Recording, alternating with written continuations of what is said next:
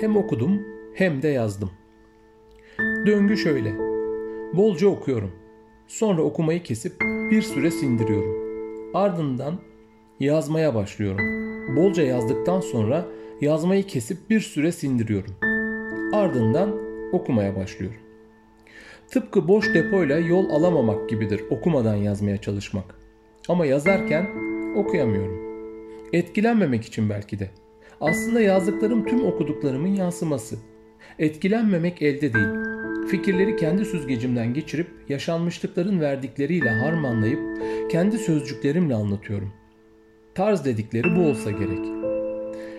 Yani başkasını taklit etmeme çabası senin tarzın veriyor. Üslup da deniyor buna. Kimi yazdığın akıp gidiyor, akıcı olduğu söyleniyor okur tarafından.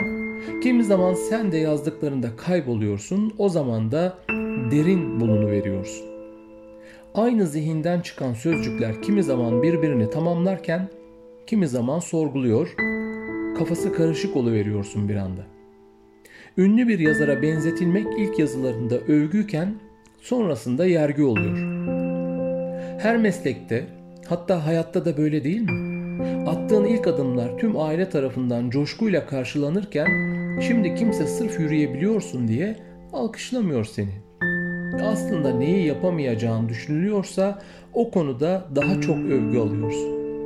Övgü belki de şaşırmanın sosyal karşılığı. Nasıl becerebildiğine şaşıyorum. Yerine tebrik ederim diyor olabilir miyiz? Sert mi oldu? O zaman coşkulu övgü sosyal şaşırmadır diyelim. Bebeğin attığı ilk adımın videosunu çekip eşe dosta göndermek gibi. Hiç beklemiyordum ama çocuğum yürüdü coşkusuna. Neden? Bir sakatlığı mı vardı? diyemeyeceğimiz için biz de tebrikler diyoruz. Alkış sevmediğim düşünülmesin bayılırım. Motive eder, havaya sokar, egomu okşar. Çok alkıştır, şaşırtır beni. O kadar mı umutsuzdum diye düşünürüm. Başarabilme ihtimalimin düşüklüğü karşısındaki şaşırmadır bu abartılmış alkışlar. Neyse, buraya kadar olan ara alkışımı alayım da yazmaya devam edebileyim. Üniversite yıllarım boyunca hep kendime yazdım ve bir gün ciltler dolusu defterimi kimselere okutmadan yakıp yok ettim. Ölmekten korktum. Ölüp de arkamdan o yazdıklarımın okunmasını istemedim. Anlık sevinçlerim de öfkem de hep oradaydı. Fazla kişiseldi ve ben öldükten sonra yazdıkları çok para edecek bir yazar değildim. Hala da değilim.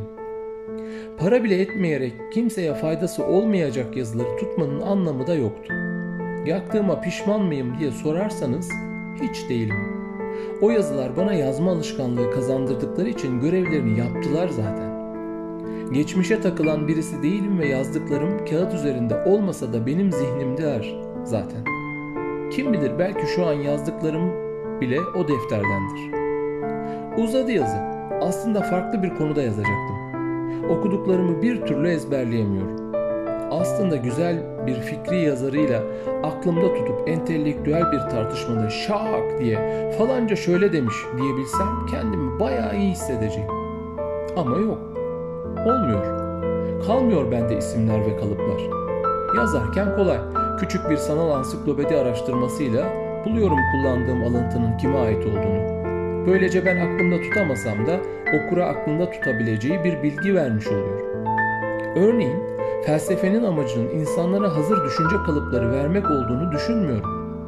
Felsefi tartışma kitleri hazırlansa ve konularına göre ayrılsa, ihtiyacı olan açıp ilgili tartışmaya göre ünlü filozofların sözlerini referanslar vere vere ard arda sıralasa tuhaf olurdu. Söyledikleri yanlış olmasa, hatta süslü ve güzel ifade edilmiş olsa da bedene oturmamış ceket gibi ya kolu kısa kalır ya da omzu düşer. Düzenli okuma alışkanlığına sahip olanlar çoğu zaman aynı düşüncelerin farklı yorumlarını okuduklarını fark ederler. Çok okumak kişiyi klişe düşünme tarzından kurtarıp kendi analiz ve sentezlerini yapabilmesini ve kendi cümleleriyle düşünüp konuşmasını sağlar. Kendi cümleleriyle konuşamayanlar da okumaya başlamış ama henüz yolun başında izlenimi oluşur bende. Gerçek okur resmin bütününe hakim olma gayretiyle düşünceye odaklanırken Yeni başlayanlar kimin yazdığına odaklanır.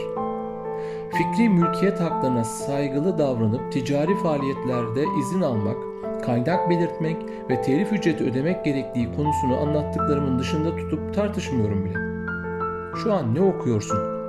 Sorusunu yayın evine kadar yanıtlayabilenleri takdir etmekle beraber ben kitabın adını dahi hatırlayamayanların sayısının da az olmadığını düşünüyorum.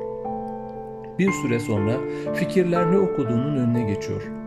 Tüm okudukların birbirine bağlanıverip senin dünya görüşün üzerine yazılmış tek bir kitap haline geliyor.